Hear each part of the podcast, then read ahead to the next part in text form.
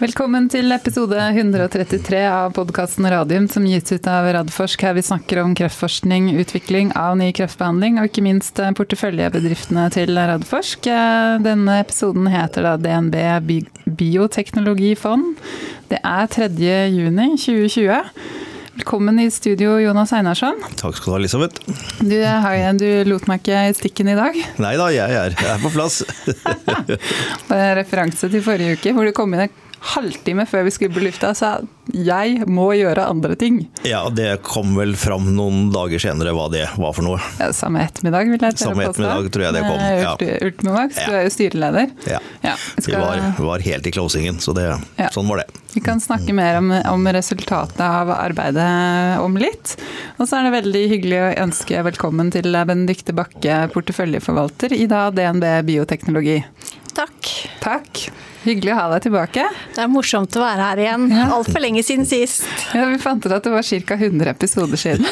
ja, da var det på tide. Det er, sånn, det er sånn vi regner tid. I episoder.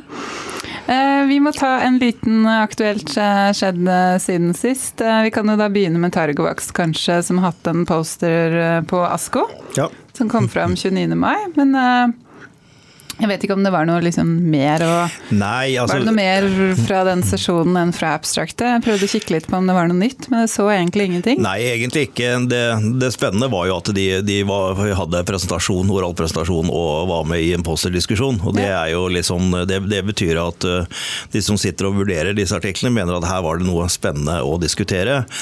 Uh, det som er på en måte litt i gåsehud, men, men nyheten er jo at man er igjennom uh, oppskalerings fasen. Og hvis jeg husker riktig, så er dette en såkalt Simon, Simon Stage 2-studie, eh, som er ganske komplisert. Den er veldig sånn hvis om at dersom at det skjer, så skal det skje og sånn. Eh, og da kan det ta veldig lang tid hvis man ikke oppnår det man skal i første runde, og, og da må kjøre flere pasienter i, i, dosene og sånn. Men det har de ikke gjort. Så vidt jeg kan se, så har dette gått igjennom på den enkleste måten det kan gjøre, i og med at det ikke var noen, eh, noen TOX-relaterte ting som, som, gjorde at de måtte ta flere pasienter inn. Eh, og Det betyr at de har da vist at dette er trygt å bruke. At nok en gang kombinasjonen inn, inn eh, med immunterapi er, eh, er, helt grei å bruke med onkolytisk virus i dette tilfellet, og at man nå er inne i den større fasen, som det samme skal bli 78 pasienter, hvis jeg husker riktig. Mm. Og det er jo spennende. Og så sier de at de ser noen immun svar. Det er, er spennende. Og så er det altfor lite og for tre forskjellige doser til å si noe om, eh, om, eh, om, klinisk effekt. Men de går vel, de som skriver denne og, og, snakker om det, sier at eh, de ser tegn til klinisk effekt, men dette er altfor tidlig å trekke noen konklusjoner på. Men det er det beste som kan hende, er at den går glatt igjennom den første fasen og inn i neste fase. Ja, og så er det uansett kvalitetsstempel å bli plukket ut til ASKO? Ja. ja. Vi, snakke, vi, skal snakke litt mer om ASKO senere, men jeg tenkte vi kan først ta, ta Ultimovax, som da forrige uke først annonserte en ny klinisk studie i samarbeid med et ikke navngitt legemiddelfirma og en ikke navngitt europeisk klinisk forskningsgruppe. Eh, men da bruk av eh, UV1, altså deres universelle kreftvaksine, i en ny indikasjon. Eh, og så henter de da 160 millioner kroner på nyheten. Ja. Siden du er styreleder. Så skal, holde, så skal jeg holde, meg til, til si Jeg skal holde meg til pressemeldingen. Ja. Nei, men det som er oppsummeringen oppsummering av dette, som jeg syns er spennende, er jo at uh, selskapet som kjent har gjort de, de første fase 1-2-studiene, hvor vi hadde spennende resultater, men selvfølgelig ikke noe vi kan ha noe statistikk på, men, men med, med, tydelig tegn på klinisk effekt. Og Så var da planen videre å, teste dette ut i ordentlig randomiserte studier til å begynne med, for det var den første studien i, i eh, malignt melanom som da selskapet selv er hovedsponsor for, og har full kontroll på hele studien. Det må vi ha én sånn en, randomisert. Og, og den, Det er den såkalte Initium-studien, som jo er starta i, eh, i, eller er i ferd med å starte opp nå i, eh, i USA og ikke minst her på Radiumhospitalet, hvor vi håper at den første pasienten skal komme inn relativt raskt. Det, det jobbes med det. Studien er, er jo åpen. Og så det, lanserte vi da denne NIPU-studien, som er i mesoteliom. Som også er en kombinasjonsstudie, også en randomisert studie. Og da, da har vi to forskjellige indikasjoner der, og så kommer da nå den tredje, som også er en randomisert studie. Og en relativt stor fase to-studie i en ny indikasjon. Så da har vi altså gående et program med tre randomiserte studier med mer enn 400 pasienter. Og Håpet er at resultatene av disse tre skal bli så bra at vi kan feile eller få en, en eller annen form for godkjenning på de. Så, så Ultimax har liksom gått fra, i løpet av et drøyt års tid, gått fra å være et selskap som driver med fase 1-studier med 10, og 15 og 20 pasienter, til å kjøre et program med tre randomiserte studier og mer enn 400 pasienter. Det er et ganske stort skritt for et sånt selskap. Mm. Er dette mulig at dette er litt reklame, men siden det er vår podkast, så kjører vi det likevel. Det er spennende. Vi, er jo ikke akkurat en uavhengig podkast. Eh, men hvorfor et ikke navngitt legemiddelfirma og et ikke navngitt europeisk klinisk forskningsgruppe? Hva er, all, hva er all sikkerheten i forhold til å avsløre hvem det er? Nei, Det er eh, sånn dette spillet er. Ja. Eh, man blir enig om at dette skal man gjøre. Man får approval både fra det akademiske miljøet og fra Big Pharma-selskapet. Og så er det en del sånn nitty-gritty ting som skal falle på plass med budsjetter og endelige budsjetter og andre ting. Og da er det Dette, dette er jo ikke Ultimovax sin studie. Vi skal bidra med UV1. Mm. Så når de andre partene, og spesielt den akademiske gruppen, ønsker å publisere det, så ønsker de sikkert å få noe publisitet rundt det. Så de bestemmer når de okay. går ut og sier at vi skal gjøre denne studien. Ja, så, det, er de, de, som kjører eh, showet? Ja, ja. Så, så, så, det har ikke vi egentlig noe, noen annen innvirkning på enn at vi får beskjed fra de at nå kan dere si hvem det er. Ja. Og det, det, det, kommer, men akkurat datoen det er umulig å si. Nei. Men du, vi har fått inn et lytterspørsmål på dette. Jeg tenker Vi kan bare ta det med en gang, så vi ikke hopper så frem og tilbake i, i temaene. Uh, og spørsmålet er, Når den nye studien er en randomisert fase 2-studie med et annet legemiddel enn sjekkpunkthemmeren til eh, BMS, og sjekkpunkthemmeren til Merck er den eneste andre legemiddelet som er testet for safety sammen med UV1, kan det da være noe annet enn nettopp pembrolizumab slash Ketruda, som er det andre navnet, og Merck som er navnene i den nye studien din? Siden jeg spør, så er jeg, med sånn hermetegn, usikker. Men dersom svaret er opplagt for en som sitter med solid kunnskap om feltet, så er vel dette egentlig offentlig informasjon? Nei, det er ikke det. Det, er, det, er, det finnes uh, masse legemidler der ute, og man kan kombinere i masse forskjellige kombinasjoner. Så man må gjerne spekulere, men, men det er egentlig ikke så farlig. Nei. Poenget er at det er et topp ti big pharma-selskap ja. og en veldig anerkjent akademisk gruppe. Og det er en ny, ny indikasjon. Det, det, er det som er viktig. og Så kan man gjerne spekulere i det, men, men det blir sånn ja vel når det kommer. Spiller ingen trill, egentlig. Nei. Mm. Benedicte, hva tenker du? Jeg tenker at det er utrolig spennende og morsomt å, å se at de norske selskapene Eh, får framgang og utvikling. Og det er jo ikke noe eh, egentlig jeg ønsker eh, mer for det norske miljøet, at vi har flere som lykkes. Nå er det lenge siden Algeta, og vi mm. trenger flere, flere, suksesser. Og det er ikke noe tvil om at liksom, miljøet rundt Oslo Cancer Cluster og Radforsk er viktig for å, å hjelpe selskapene frem. Så veldig morsomt. Mm. Absolutt. Du, kan jeg må da få lov til å legge til at vi da gjorde denne emisjonen, mm. eh, som vi satt samme dagen, på 160 millioner, eh, overtegnet eh, at market. Altså kursen var det den var, den siste aksjen som ble solgt, uten en eneste rabatt. Og med gode og nye, solide aksjonærer, i tillegg til at de ekstreme aksjonærene fulgte opp. Og Det har jo også markedet vist nå etterpå, at de syns dette var en godt gjennomført emisjon. Så bra. Det, det er godt, eh, godt arbeid. Um, Nordic Nanovektor sin eh, kvartalsrapport, eh, første kvartal, den kom Vi skulle egentlig snakket om den forrige uke, når du ikke kom i studio. Så jeg tenkte bare kan, du kan gi en kort uh, kommentar.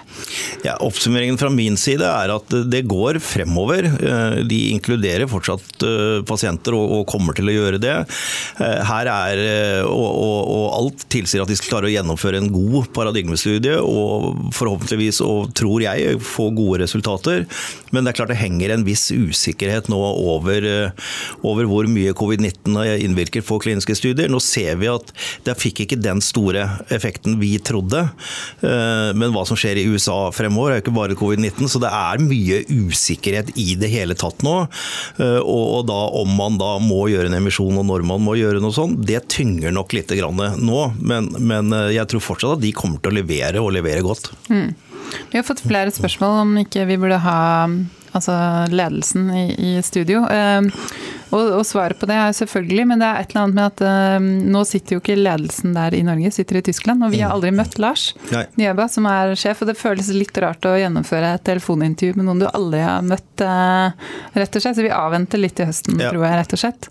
Uh, og det kunne også vært veldig interessant å ha utfallet av møtet med FDA før vi har det i studio. Ja, for det, det, tenker jeg vil være veldig avgjørende egentlig for veien videre. Ja, da får vi forhåpentligvis vite litt mer da, om hva, hva er det de har gjort. Hvordan ser eventuelt den den, den amendede protokollen ut. Mm. Og, og, tror vi at det vil øke inklusjonstakten. Og det, det, skjer jo nå i løpet av sommeren, hvis jeg har lest det riktig. Juni-juli. Ja, juni, tror jeg. Ja, juni-juli tror jeg de, de, har sagt. Eh, så da, da, prøver vi å få det til eh, rett over sommeren, ja. tenker jeg. De er eh, absolutt på lista. Benedicte, har du noen kommentar sånn i forhold til Nordic? Eh, nei, ikke noe spesielt Nei. Eh, egentlig, men eh, litt sånn referanse til det Jonas sier, at vi ser også på mange av de andre biotekselskapene også globalt får påvirket fremgang på kliniske studier, og ting blir forskjøvet i tid, og også viktige milepæler på FDA, så det Jeg kan bare si meg enig i at eh, det er en del usikkerhet rundt eh, sånne ting. Mm. En, men jeg tenker det er kanskje en fordel at det er en at det er en felles situasjon for alle som driver med klinisk utvikling, i form av den konkurransesituasjonen man har i forhold til å komme til markedet og sånt nå? Ja, det er selvfølgelig de som, som er midt i, i, kliniske studier og er i gang med å starte kliniske studier, blir jo det en ulempe. Mens mm. de som har kommet, altså, i, kommet, igjennom. kommet igjennom og har på en måte sluttfasen, de jo, får jo på en måte sånn sett et fortrinn fordi at de sant, får konkurransen eh, skjøvet lenger bak i tid. Ja. Mm. ja. det er sant. Det slår veldig urettferdig ut, uh, ut sånn sett. Um, det har jo vært eh, ASKO eh, i helgen, altså verdens største kreftkonferanse, som da i år gikk, eh, gikk digitalt. Jeg la merke til at dere to begge to var intervjuet i Dagens Medisin. Så jeg tenkte vi kunne ta litt i forhold til ASKO. Altså, hva, hva har vært de store nyhetene i år? Begynne med gjesten først. Det er masse spennende nyheter eh, for flere av porteføljeselskapene våre. og Det er jo, som jeg sa også til Dagens Medisin, at det er masse spennende på kombinasjonsbehandling. Og, og det er celleterapi som er spennende. og ja, Det er, det er mange ting. Mm. Men ting, altså men når du sier spennende, det betyr det at det, man får uh, data som ja, får viser data. at behandlingen ja, er bedre enn tidligere? Ja. Og det er nye kombinasjoner, uh, data på det, og som vi får første resultater på. Så det er, ja, det er masse spennende ting. Mm. Einarsson? Nei, Jeg er helt enig med Benedicte. Det er liksom ikke, det er ikke, det er ikke noe sånn gjennombrudd i, i år. Sånn, wow, den så vi ikke komme. Den, den, har ikke jeg sett noe til. Men, men, det er spesielt innenfor kombinasjon og nye, nye kombinasjonsbehandlinger, også med kjemoterapi, mm. som uh, vi egentlig så først for noen få år siden. Man trodde liksom at nå skulle vi fase ut kjemoterapien. Mm. Så viser det seg at i en del førstelinjebehandlinger så er det å kombinere kjemoterapi med immunterapi antagelig både smartere og, og, bedre enn det vi trodde. Og det har, tenker jeg, med at kjemoterapien den virker jo mm. veldig godt mm. ved å ta bort veldig mye av svulsten. Problemet med kjemoterapi er at svulsten kommer tilbake. Mens med, med, immunterapi så er ikke den like god på liksom sånn debulke og ta mm. vekk så mye tumor samtidig. Så det vi ser den type kombinasjoner, og så kommer det nye medisiner som Durvalumab, disse parphemmerne og mm. disse som man også nå kjører i kombinasjoner. Eh, jeg har ikke sett så mye til at det kommer liksom nye former for immunterapi i, i form av, av, det vi så med når, når IDO og IDO kom i sin tid, lag tre, den type ting. Eh, men nå har jeg ikke sett så, så nøye på det, på det heller. Men, eh, men, jeg tror fortsatt at trenden er at det jeg har snakket om hele tida, at man må ha en verktøyskasse. Det er, kreftbehandling vil, vil bestå av mange forskjellige kombinasjoner. Mm. Uh, Og så er det da å sette seg ned og analysere dette, og det er, det er ikke så lett. Nei, altså det, det med kombinasjonsterapi det gjør jo også at du har mulighet til å få en effektiv behandling uten uten, eller ikke uten, men med en mer akseptabel eh, bivirkningsprofil enn det man har sett på monoterapi tidligere. Mm. Og, sånn. og det er jo også med kjemoterapi at det har jo hatt en krevende eh, sikkerhetsprofil. Og, og ved å, å, gå ned i dose og kombinere med andre ting, så, så blir det noe annet. Ja. Mm. Ja, det, og det er jo kjempeviktig for pasientene å slippe de, slippe de bivirkningene. Eh, så en, eh, en norskledet eh, internasjonal studie på bruk av strålebehandling på lungekreftpasienter som har fått mye oppmerksomhet. Og den viser da at høydosebehandling gir 50% økning i toårsoverlevelsen for veldig alvorlig syke lungekreftpasienter. Den, den syns jeg var interessant. Mm. Mm, og den ble diskutert ganske mye når Dagens Medisin hadde sin post, postasko her om dagen. Åssen ehm, har det fungert å ha ASKO som digital eh, konferanse, Det, er, det, blir jo annerledes når det er digitalt. Sånn er det veldig mye, syns jeg, når jeg er på konferanser. Er jo å prate med folk. Eh, man får de uformelle mm, kommentarene, diskusjonene og sånn. Og man opplever stemningen, så det er klart at det blir annerledes. Eh, man kan jo fint følge med digitalt og sånn, men det er noe helt annet å være eh, på konferanser. Du får snakket med eh, andre investorer, du får snakket med klinikere på en helt annen måte enn når du sitter hjemme på kontoret og følger med mm. digitalt. Ja, for du går jo glipp av alt det som ikke skjer på prestasjonen. Helt riktig, og det er det som ofte er det, det viktigste. Det er veldig viktig. Einarsson? Ja, nei, altså, jeg er helt enig med Benedicte. Jeg, jeg, forsøker å følge med, og jeg får jo alle Asko News eh, inn på, på mailen min hele tiden. Mm. Og prøver å bla gjennom og se om det er noe som er spennende, men, men det er det jeg gjør. Så, så, for meg så er Asko det å være der. Eh, så Asko i år er for meg å følge med på nyhetene, istedenfor mm. at det er en event. Så det er egentlig en non-event sånn sett. Mens det vitenskapelige er selvfølgelig selvfølgelig der, men det blir en ren vitenskapelig sak. Mm. Og det, det, så det, det, ser vi at vi, vi, som jobber på den måten, både Benedicte og, og vi Radforsker, vi mister veldig mye ja. uh, med, med, at den er For digital. For dere er det liksom nettverkingsdelen ja. som er ja. det viktigste. Jeg så eh, Andreas Stensvold som leder Kreftklinikken på, på Kalnes, han syns det egentlig hadde vært en ganske positiv eh, opplevelse. fordi han da som kliniker i en travel hverdag kunne bruke helgen og sitte og følge med på presentasjonene. Og på en måte se på hva som han kan eventuelt eh, se for seg kan implementeres i klinisk praksis. Men det er, det er som dere sier, det blir en annen bruk. Ja. ja. Rett og slett. Yes, Men da må vi prate litt om DNB bioteknologi. Men jeg tenkte kanskje aller først, eh, Benikte, kan du ikke kort eh, presentere deg selv og, og bakgrunnen din? Ja, så Jeg heter jo Benedicte Bakke og har jobbet i DNB i ja, hvor lenge er det nå? Er det seks år, kanskje? Jeg skulle til å si syv. Så det ja, kanskje det er syv. Ja, syv. Ja. Det er faktisk litt usikker på. Tiden går. Tiden går. Ehm, men før jeg kom til DNB, så har jeg jobbet i industrien egentlig hele min eh, karriere. og og for langt tilbake så er jeg utdannet tannlege og har hatt klinisk praksis før jeg dro til USA og forsket på eh, cytokinbiologi. Eh, og begynte i farmasøytisk industri etter det. Så jeg har egentlig en litt annen profil enn veldig mange av de andre forvalterne våre, som eh, de aller fleste er økonomer. og så har jeg gått på Handelshøyskolen i Bergen i tillegg, så jeg er en litt sånn hybrid, kan man si. Mm. Eh, så det er liksom, ja, kort fortalt bakgrunnen. Men det er sikkert en kjempefordel å ha med seg den eh, medisinske, biologiske bakgrunnen når man skal forvalte et fond innenfor bioteknologi? Ja, så jeg syns jo at jeg har eh, verdens eh, beste jobb nå, for nå kan jeg jo kombinere medisin og business. og Eh, jeg tenker at det er veldig vanskelig å eh, forstå selskapene og produkter og eh, teknologiplattformen som ligger til grunn, hvis du ikke forstår medisinsk teknologi og ikke har har forståelse for hvordan industrien tenker og hvordan utvikling foregår. Så jeg syns at det er en veldig stor fordel. Mm.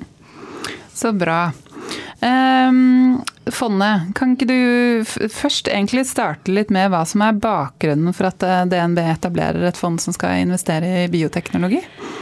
Ja, det kan gjøre. Vi har jo eh, flere fond som investerer i helse i dag. Vi har eh, DNB Healthcare, og vi har et Norden-fond. Og et DNB SMB-fond og et Disruptive-fond, som alle har investeringer innenfor helse. Eh, det DNB Healthcare-fondet eh, som vi har, eh, hadde fra før av, det er et globalt fond som investerer i alt fra helseforsikring, apotek, medisinsk teknisk utstyr, og veldig mye fokusert på store, solide selskaper.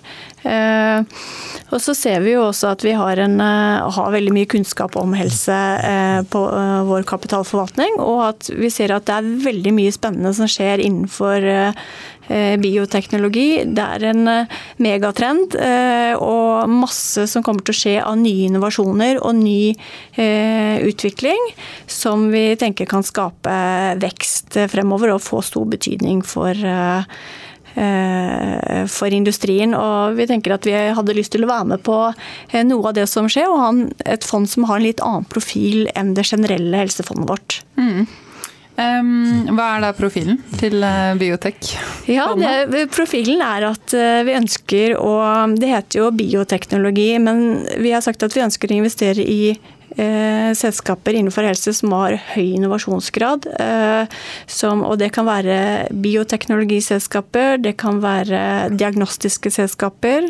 Eh, selskaper som eh, f.eks. produserer eh, biologiske legemidler. Det kan være selskaper som har en kombinasjon av teknologi og helse. En robot f.eks. som brukes innen kirurgi, altså sånn type ting. Men hvor hovedfokuset er at det skal være høy innovasjonsgrad. Mm. Og da også at det er selskaper som er eh, det spenner litt mer over i Det er ikke bare store selskaper. Det er eh, eh, small cap, og det er mid cap, og det er store. Og med tanke på at man setter sammen en portefølje av selskaper som kan gi god avkastning over tid. Mm. Det sprer, sprer, risikoen, rett og slett? Ja. ja. Så bra. Um, du er kanskje ikke aleine om, om, å jobbe med akkurat dette fondet. Hvem er det du har, har med deg? Du, vi er et uh, helseteam uh, på tre stykker. Så det er Eirik Herners Larsen som uh, jobber sammen med på det generelle helsefondet. Og så ansatte vi en analytiker, Rune Sand, som begynte hos oss 1.4. Mm. Og som sagt så har vi jo andre fond også som investerer i helse, som vi diskuterer med og også har felles investeringer på. Mm. Mm. Um, hvor stort er fondet i dag, og hvor stort vil dere ha det? I dag så er vi ca. 78 millioner, så vi bygger sten for sten. Uh, vi har ikke noe på en måte grense for hvor stort det skal være. Vi ønsker å, å uh, være langsiktig uh, i dette arbeidet, og vi ønsker å som sagt bygge sten på sten. Så er, vi har ikke noe liksom tallfestet uh, i forhold til uh, hvor stort det kan være. Vi har et, uh, Det generelle helsefondet er et stort fond, og vi har et teknologifond som er kjempestort. Så, så, det tar lang tid før vi er på noe maksgrense. Mm. Og så har vi jo fått, fått, en del lytterspørsmål om det, jeg skal gå litt mer i detalj om de senere. Men det går jo litt på hvordan dere skal investere. Er det si, eh, er nasjonalt, eh, europeisk, globalt? Det er et globalt mandat, så vi har eh, mulighet til å investere egentlig hvor som helst i verden. Men det er ingen tvil om at vi gjør mye investeringer i USA. Vi har også en god del i Europa, og vi har også investeringer i Norden. Mm. Så det er ikke noen begrensninger sånn Nei. Der. Mm. Men hotspoten er i USA? Det er jo ikke så Ja, det er veldig egentlig. mye biotekselskaper der. Og, og, det er mye innovasjon som foregår der, og da er det jo også naturlig at en mm. del investeringer er der. Mm. Men i, i, forhold til de norske biotekselskapene, hvem er det som eventuelt er aktuelle å investere i der? Du kan si at uh, for oss så investerer vi i selskaper som, uh, som uh, har en klinisk proof of concept. Og, og da, tenker, da, i det legger de, vi at det må være kliniske data som vi på en måte også ser at det er en klar eh, vei til eh, godkjenning og til markedet. Og det vil ikke være naturlig å f.eks. investere i prekliniske selskaper eller sånn. Det må jo være eh, listet. Mm. Men, eh, men, hvis det er altfor tidlig, så, så, tenker vi at risikoen er eh, liksom for høy. Og da må det være litt eh, kliniske data. Mm. Så bra. Um, hva er liksom exit-strategien deres i forhold til når dere går inn i, i, selskaper? Hvor lenge blir dere? Du sier dere har en langsiktig horisont. Det, jo, det må man jo nesten ha når det er ja. snakk om biotek, i hvert fall legemiddelutviklingen. Ja, og, og, det er jo sånn med, med, denne sektoren, så det er mer volatilt enn uh, en generell helse og det generelle markedet. Og det er jo litt sånn at uh, det vil svinge. Uh, og derfor på alle våre fond så anbefaler man at man eh, sitter over tid. Eh, fond er ikke noe sånn daytrading. Sånn. Det tenker man at da må man putte litt sparepenger og, og, tåle å se at det svinger litt. Ja. Så, mm. Men, Benedicte, du sier at det selvsagt må være lista. Ja. Er det så, hvis vi ser på vår lille andedam, er det hovedlista? Er det Aksess? Er det OTC-liste? Er det bare at det er en godkjent liste, eller er det Det er en at det må være en en eh, listing. Og så er det litt sånn retningslinjer vi har i forhold til eh, eh, Det er litt mer krevende hvis det Ja. Så det må være listet. Mm. Ja, ja. Det er liksom et krav. Ja. Men vil, vil, dere da handle i markedet, eller er det en type emisjoner, eller begge deler? Vi kan jo gjøre begge deler. Okay. Mm, ja. Så i forhold til det norske og sånn, så Og når vi eventuelt eh, går inn og hva vi går inn i, så har du på en måte, ser vi en eh, selskapene i en liksom porteføljesammensetning i forhold til at vi har gjerne eh, en andel hvor vi har store, solide selskaper, vi har noe midcap og vi har noen eh, eh tidligere fase, og da blir det på en måte en en sammensetning av porteføljen i forhold til hva vi tenker kan eh, gi god avkastning over tid. Da. Mm. Så det blir en avveining. Mm. Ja. Dere, har, dere, har, lagt ut en artikkel på, på DNB sine nettsider om, om, fondet. Det var én ting jeg stussa litt på som jeg tenker du kan, kan si litt om. For det var, så det var en lytter også som stussa litt på det. Det står at uh, fellesnevneren for selskapene er at de skal ha høy grad av innovasjon, solid teknologiplattform, godt potensial for fremtidig vekst uten altfor høy risiko. Vi, vi, er jo litt der at vi tenker at biotek det er vinn eller forsvinn, det er binært. Ja, det, det, mange tenker liksom på at bioteknologi er eh, tidlig fase og høy risk, men det er eh, så veldig mye mer enn det. fordi at vi ser jo mange bioteknologiselskaper er jo store, solide selskaper med eh, god cashflow. Og du har også eh, tidlig fase. Så når vi setter sammen en portefølje, så prøver vi å sette sammen en portefølje følge med at vi kan eh, få en sammensetning av selskaper som over tid gir potensielt en, en eh, god eh, avkastning. Og det er jo en fin måte å være eksponert på bioteknologi på, ved å være investert eh, i et fond istedenfor et enkeltaksje. For i eh, utvikling så er det jo en høyere teknisk risk enn i mange andre selskaper. Og da, hvis ikke alt går etter planen, så får du gjerne et stort fall i aksjekursen. Og hvis du er eksponert for den ene aksjen, da, da går det jo nedover. Mm. Mens eh, hvis du er i en portefølje, så, så, kan du tåle det bedre. For da har du andre selskaper som går den andre veien, som det oppveier. Og det er en fin måte å, å spre risikoen på. Mm. Jeg er, jeg er, veldig enig med Benedicte i, i, to ting her. Og Det ene mm. er at teknologirisiko er ikke bare teknologirisiko. Det, det, er så, langt, så mye mer enn det. Og Det er greit nok at man har brukt alle disse tallene om 1000 ideer og 100 gjennom preklinikk og én som lykkes og sånn. Eh, da syns jeg man har gjort en jævla dårlig jobb, ja, hvis, man, hvis man holder seg til det. Eh, fordi her er det noe med å forstå ikke bare biologien, men også litt sånn logikken i hvordan man tenker når man skal utvikle et nytt produkt. Passer det det inn?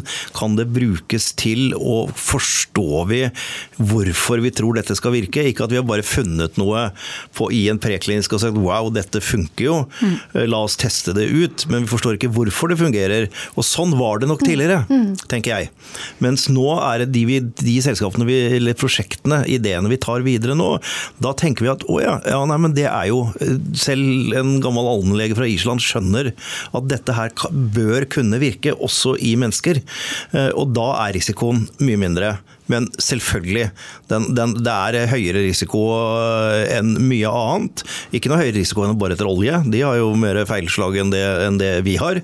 men men også da porteføljetankegangen til Benedicte er jeg også veldig enig i. Mm. Og det er jo litt som vi har bygd opp Radforsk, sånn sten på sten fra Fotokur i, i 97 og, og, frem til vi nå har en, har en portefølje på 12-13 selskaper, ish. Eh, og i forskjellige faser. Mm. Og da er det som Bendik sier, det er noen som går opp og noen som går ned. Mm. Mens den totale verdien av vår portefølje den har jo bare steget hele tiden gjennom disse 20 årene jeg har, jeg har vært der. Og, og, jo den er tryggere jo bredere den er. Det er, det er uten tvil. Mm. Og så sa du i stad, og det er jeg så enig i, vi må nå snart få vårt nye Algeta. Sånn at vi virkelig kan vise at det ikke bare er lov, unge lovende, men her er en verdensstjerne til. Det, det trenger vi. Men det er det som er så fint nå, at, eh, at vi har fått eh, mange flere selskaper som er lenger i utviklingen. Og det er mange som har syntes at liksom, ja, det er synd at, eh, at ting blir solgt og sånn, men jeg tenker at det at ting blir solgt, gjør jo også at det frigjør kapital og kompetanse tilbake til miljøet, og, som er med på å drive nye selskaper fram. Og en sånn, å bygge et miljø tar tid. og, og vi, vi, ser nå i forhold til for eh, fem-ti år siden at vi har mange flere selskaper nå som har kommet lenger, og det er utrolig morsomt å se. Mm. Altså, vi, vi, ser også nå, som tilbake til, til Ultimovax, at det er også da akademiske grupper og big pharma-selskaper som faktisk er villige til å være med og utvikle og syns dette ser spennende ut. Og det er, altså Husk på at hvis et big pharma-selskap går med på en, en, studie med noen hundre pasienter i et marked hvor de allerede har markedsføringstillatelse for det produktet, så er det ikke sånn at de gir bort noe til kostpris. De gir fra seg gevinsten som de ville fått ved å selge det medikamentet, fordi pasienten ville antagelig fått det medikamentet allikevel. Mm. Og Det betyr at de faktisk bidrar med mye mer nå enn de gjorde tidligere. og Det, det viser også den interessen. Og Vi ser også den internasjonale interessen. Vi, vi hadde Bayer som kom inn med Algeta, men vi hadde også kjempestore Neck Corporation fra Japan som kjøpte vårt lille Onco-Immunity-selskap for, for, eh, et år siden. Eh, og etablerer seg her i miljøet vårt med sin AI-satsing. Og Det er akkurat det Benedikt sier. Det, det er da vi er i ferd med å bygge et, et økosystem som, kan, som, er bærekraftig. Og Da tror jeg ikke at noen vil kjøpe inn seg inn, eh, lisensiere eller kjøpe selskapene våre for å ta de ut av dette miljøet. Hmm. Jeg tror at vi vil se det samme som skjedde med Bayer. De har vokst veldig. Har hele Thorium-plattformen sin drevet herfra. Neck Corporation kjører dette. Jeg tror vi vil se mer av det. Og da, da er vi endelig i gang med å få en ordentlig motor i økosystemet vårt. Hmm.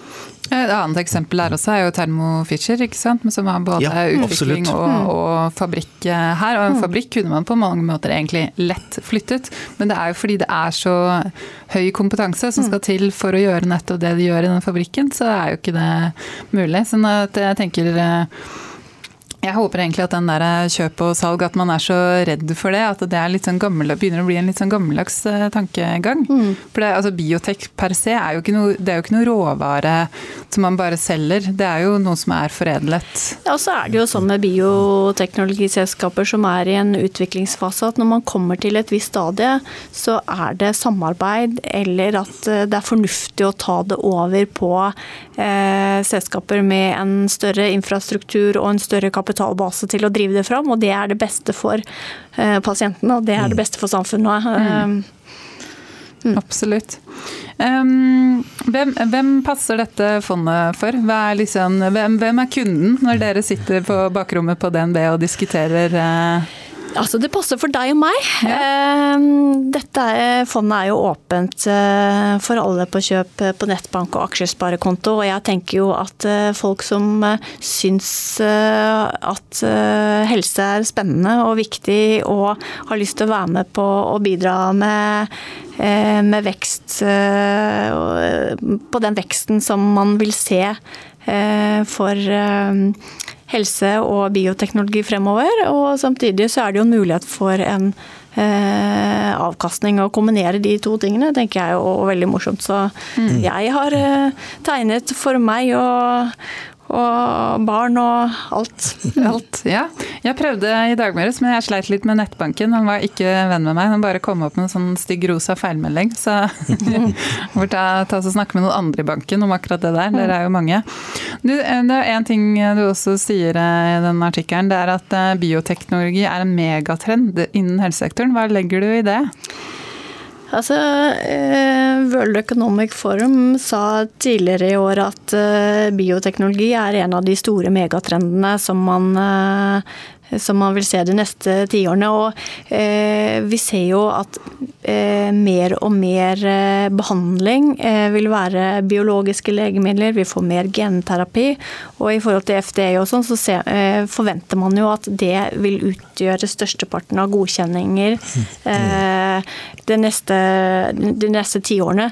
Og så er det jo ingen tvil om at liksom, kartleggingen av, av humane genomet og forståelsen for biologi eh, har blitt helt annerledes og kommer til å bli mm. annerledes eh, i årene fremover. Og vi, jeg tror ikke vi kan liksom tegne eller ane konturene av eh, det vi vil eh, få av medisinske gjennombrudd eh, basert på, på, det fremover. Og ja, vi er bare utrolig heldige som lever mm Eh, med så store fremskritt i pasientbehandling. Mm. Det er jeg helt enig, enig med deg, og, og, vi kan vel si at det siste halvåret har vist oss at helse trumfer det meste. Ja, det selv, selv økonomi. Mm. Så, så, at det å, å satse på, på, på helse uh, i det hele tatt, uh, det tror jeg er et ganske sikkert bet. Det, det, det er det viktigste, mm. tross alt. Mm. Ja, og det er det, det, vi er midt eh, inne i nå, den pandemien. Selv om vi i Norge på en måte har begynt å få en litt mer normal hverdag igjen. Det, altså det, det er jo ikke den siste vi kommer til å oppleve heller. Er, man har jo gjerne en sånn syv til ti års sykluser på sånne pandemier, så altså, Man tenker ikke kanskje så mye på at liksom, i vanlig hverdag at det er viktig, men se bare et eksempel på f.eks. innføring av HPV-vaksine, hva mm. det har gjort i forhold mm. til eh, forekomsten av livmorhalskreft og sånn. Det, det, har så utrolig store betydning for folkehelsen. Mm. Eh, og screeningprogrammer i forhold til kreft. og eh, vi får behandling for genetiske sykdommer. Det er så masse spennende som, ja. Som vi vil se de neste tiårene. Mm. Ja, Spesielt eh, innenfor genterapi, men jeg tenker også det med utvikling av persontilpassa medisin. Der mm. også er man jo bare helt i, i startgropa. Mm. Og Der er jo nettopp biotekselskaper som med det samarbeidet med lege, legemiddelindustrien som kommer til å på en måte være krukset, tror jeg i hvert fall. Ja, så ser vi jo nå på de store farmasøytiske selskapene som tidligere var bare fokusert på kjemiske substanser, er jo nå gått over til å bli mer og mer bioteknologiselskaper med, med mm. biologiske produkter. Eh, de altså, jobber med genterapi, genterapi så det, det, går mer og mer i den retningen. Mm. Mm. Men uh, vi har fått inn en del eh, spørsmål fra lytterne, så vi må ta de. Um, den ene har ja, det er tre spørsmål fra samme lytter. Jeg har forstått det sånn at DNB Bioteknologi ikke kommer til å investere i de norske kliniske fasede biotekselskapene som PCI, Biotech, Targovax, Vaxibody osv. Og så spør han kunne vært interessant å høre hva, du, hva, som er begrunnelsen for dette og hvilke kriterier. Vi har jo vært litt inne på dette, men man kan vel ikke utelukke at dere kommer til å investere i disse selskapene? Det er ingenting som sier at vi Nei. ikke skal gjøre det. Så det er på en måte litt sånn i forhold til hva eh, passer i porteføljen i forhold til eh, timing, eh, timing ja. og eh, sammensetning av portefølje og sånn. Og vi har jo et norsk selskap i porteføljen i dag. Eh, så det er ingenting som sier at vi ikke skal uh, gjøre det. Mm. Og det norske selskapet, det er? Fotokur. Det er Fotokur, ja. ja. Det var kanskje det var kanskje lett å vite, men vi må jo Som representant for største eier så må jeg si at jeg syns det er hyggelig. ja. Det er flere av oss som har fotokur. ja, ikke sant. Um, men uh, også er det neste spørsmål for å samme lytter, hvordan du vurderer norske, norske biotek? Nei, det er litt som vi har sagt, eh, vært innom her eh, tidligere, at jeg syns det er utrolig morsomt å se at det er flere selskaper som har kommet lenger i utviklingen. og Jeg bare ser fram til å, å følge det tett, som vi allerede uh, gjør. og uh, jeg ønsker veldig sterkt at uh, flere selskaper skal lykkes, og det, mm. det håper jeg vi får se. Mm. Ja. og så er det en annen lytter som lurer på, eller han refererer til det du sier, at dere har investert 78 millioner per nå. Og så lurer jeg på hvor, da, hvor, stor andel Nei, hvor mye dere håper å ha under forvaltning om et år? Det er vanskelig, og vi har ikke sagt om eh, tall. Vi bygger sten for sten. og eh, har på, lansert midt i en fase med, med hjemmekontor og eh, begrenset markedsføring og sånn, så vi bygger sten på sten. Og, ja. og vi ønsker å være langsiktige i dette. Så, mm. ja. Og neste spørsmål er hvor stor andel av fondene dere ser for dere å plassere i norske selskaper, men det blir jo som du da sier en sammensetning. Ja. ja mm. Rett og slett. Det siste spørsmålet var det jeg også lurte på, hva dette med høy risiko betydde. Så det var ikke bare jeg som stussa på den. Um, det var det, faktisk, av de lytterspørsmålene. For vi tok det til eh, Ultimovax eh, i stad. Mm. Du, Hva tenker du om at uh, Norges største bank, for det er dere vel, er dere ikke det? Jo. jo. Um, måtte bare sjekke. Jeg er så vant til Jeg vet ikke om det er en sånn reklame dere har, eller et eller annet. Det er i hvert fall støkk. DNB, Norges største bank. Hva tenker du om at Norges største bank lanserer uh, et biotekfond på toppen av alt det annet de gjør innenfor for helse? Altså, jeg syns det er en helt naturlig utvikling. Eh, og, og, jeg kan godt kjøre litt reklame for det, fordi DNB har faktisk spilt en svært viktig rolle i hele oppbyggingen vår av, av hele Oslo Cancer Cluster og porteføljen til, til Radforsk. Og det er, det er, ikke sånn at det er første gang jeg møter Benedicte. Vi har, vi har krysset, krysset stier opp gjennom hele veien her. DNB jo, tok jo da tak i dette med, med, med som nå er blitt til DNB Health, eh, hva heter det? Health, mm. Healthcare. Som eh, var en eh, Vi var jo en relativt liten klubb da når vi, mm. når vi startet dette, må jeg, må jeg si. For vi, vi, fikk lov til å være med og, og bidra. Og fram til at dette nå er en, en nordisk, minst nordisk, mm. og stor og viktig konferanse.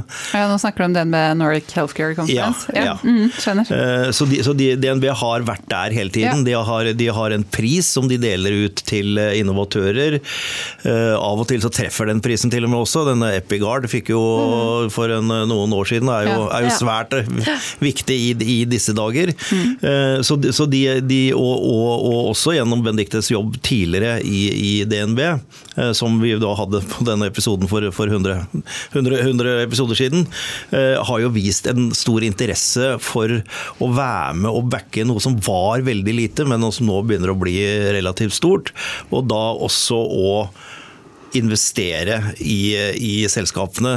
Mulighet for det gjennom dette fondet syns jeg er sånn Det er nesten litt sånn naturlig utvikling. Mm, mm. Det blir sånn Yes, den, der kom den nå. Mm, Så, viktig, viktig, rolle å ta. Ja, det er en svært ja. viktig rolle å ta. Og, og, og, også DNB er også på den andre siden en, en svært uh, viktig medspiller for mange av selskapene når de gjør børsnoteringer mm. og emisjoner. En annen del av banken, men, mm. men, uh, men uh, det er jo flere, absolutt flere banker og, og hus i Norge i, i dag som er, er, aktive, men DNB er én av de viktige aktive spillerne der. Mm. Har dere begynt å tenke på hva som skjer med DNB konferansen i år, eller? For den er jo alltid i, i desember, sånn rundt 13.-14. desember. Det er jo lenge til, da. Ja, det er lenge til ennå. Jeg har ikke egentlig tenkt så mye på det enda. Nei. Så jeg må Ta sommerferie. også snakke med de, disse gamle kollegaene. Mm Eh, som sitter på det nå. Men mm. det må jo bli konferanse i år også. Hvis må vi får jo lov. bli det. Ja. Altså, vi ja. I hvert fall vi er jo flinke til å vaske hender og holde ja. avstand, mm. så det er jo, virker jo som det er det så, men viktigste. Alt blir jo litt sånn på hold nå. Ja, det gjør det. Så man, det må man bare leve med. Litt sånn mm. usikkerhet. Og, og, er det åpnet, så blir det konferanse i år, ja. Mm. Vi håper det. Det er en viktig konferanse og en mm. veldig hyggelig konferanse. Ja, ikke mm. minst. Nå, for, hvis jeg får lov til å være med på konferansen i år, da, for i fjor så holdt vi meg jo inne med sju-åtte episoder etter hverandre, så jeg fikk jo nesten ikke snakket med folk. Vi hadde en felles eh, podkast med DNB. Du kan ikke sitte og disse det når vi har representanter fra DNB. Det var, veldig, det var veldig hyggelig. Jeg tror det var, det var veldig fin eh, reklame for de selskapene vi hadde også, for vi Absolutt. fikk jo dobbelt så mange lyttere som det vi pleier å ha. Så eh, ja. Mm. Nei, men eh, vi må jo Det får man jo bare se på over sommeren, tenker jeg. Og så mm. ser man hvordan, hvordan utviklingen er. er. Men jeg tenker sånn, vi som jobber med biotek, vi er vant til usikkerhet. Så det, for oss er dette liksom business as usual. Ikke sant? Så vi er heldige sånn sett. Mm. Men du, tusen takk for at du kom i studio igjen. Vi får håpe det ikke blir 100 eh, episoder Nei, neste gang. Nei, vi får ta det litt før den neste før. gang. ta på 50? Ja, ta på 50. Nei da. Kan prøve kan jeg ha intensjoner om, eh, om å ha det under eh, Healthcare-konferansen. Det høres bra ut. Mm. Ikke sant. Yes. Men da har du noen siste bevingende ord. Det er lenge siden du har hatt sånn der sinna hjertesukk. Har du blitt helt ja, nei, jeg, rolig av den der koronaen? Jeg er blitt, blitt så mild i disse, disse covid-19-tider. Så... Du har så mye å gjøre, så du har ikke tid til å irritere deg over så mye rart? Nei, det jeg, jeg skal tenke om ikke jeg kan sukke litt neste gang. du får gjøre det. Vi snakkes neste uke. Hei. Hei.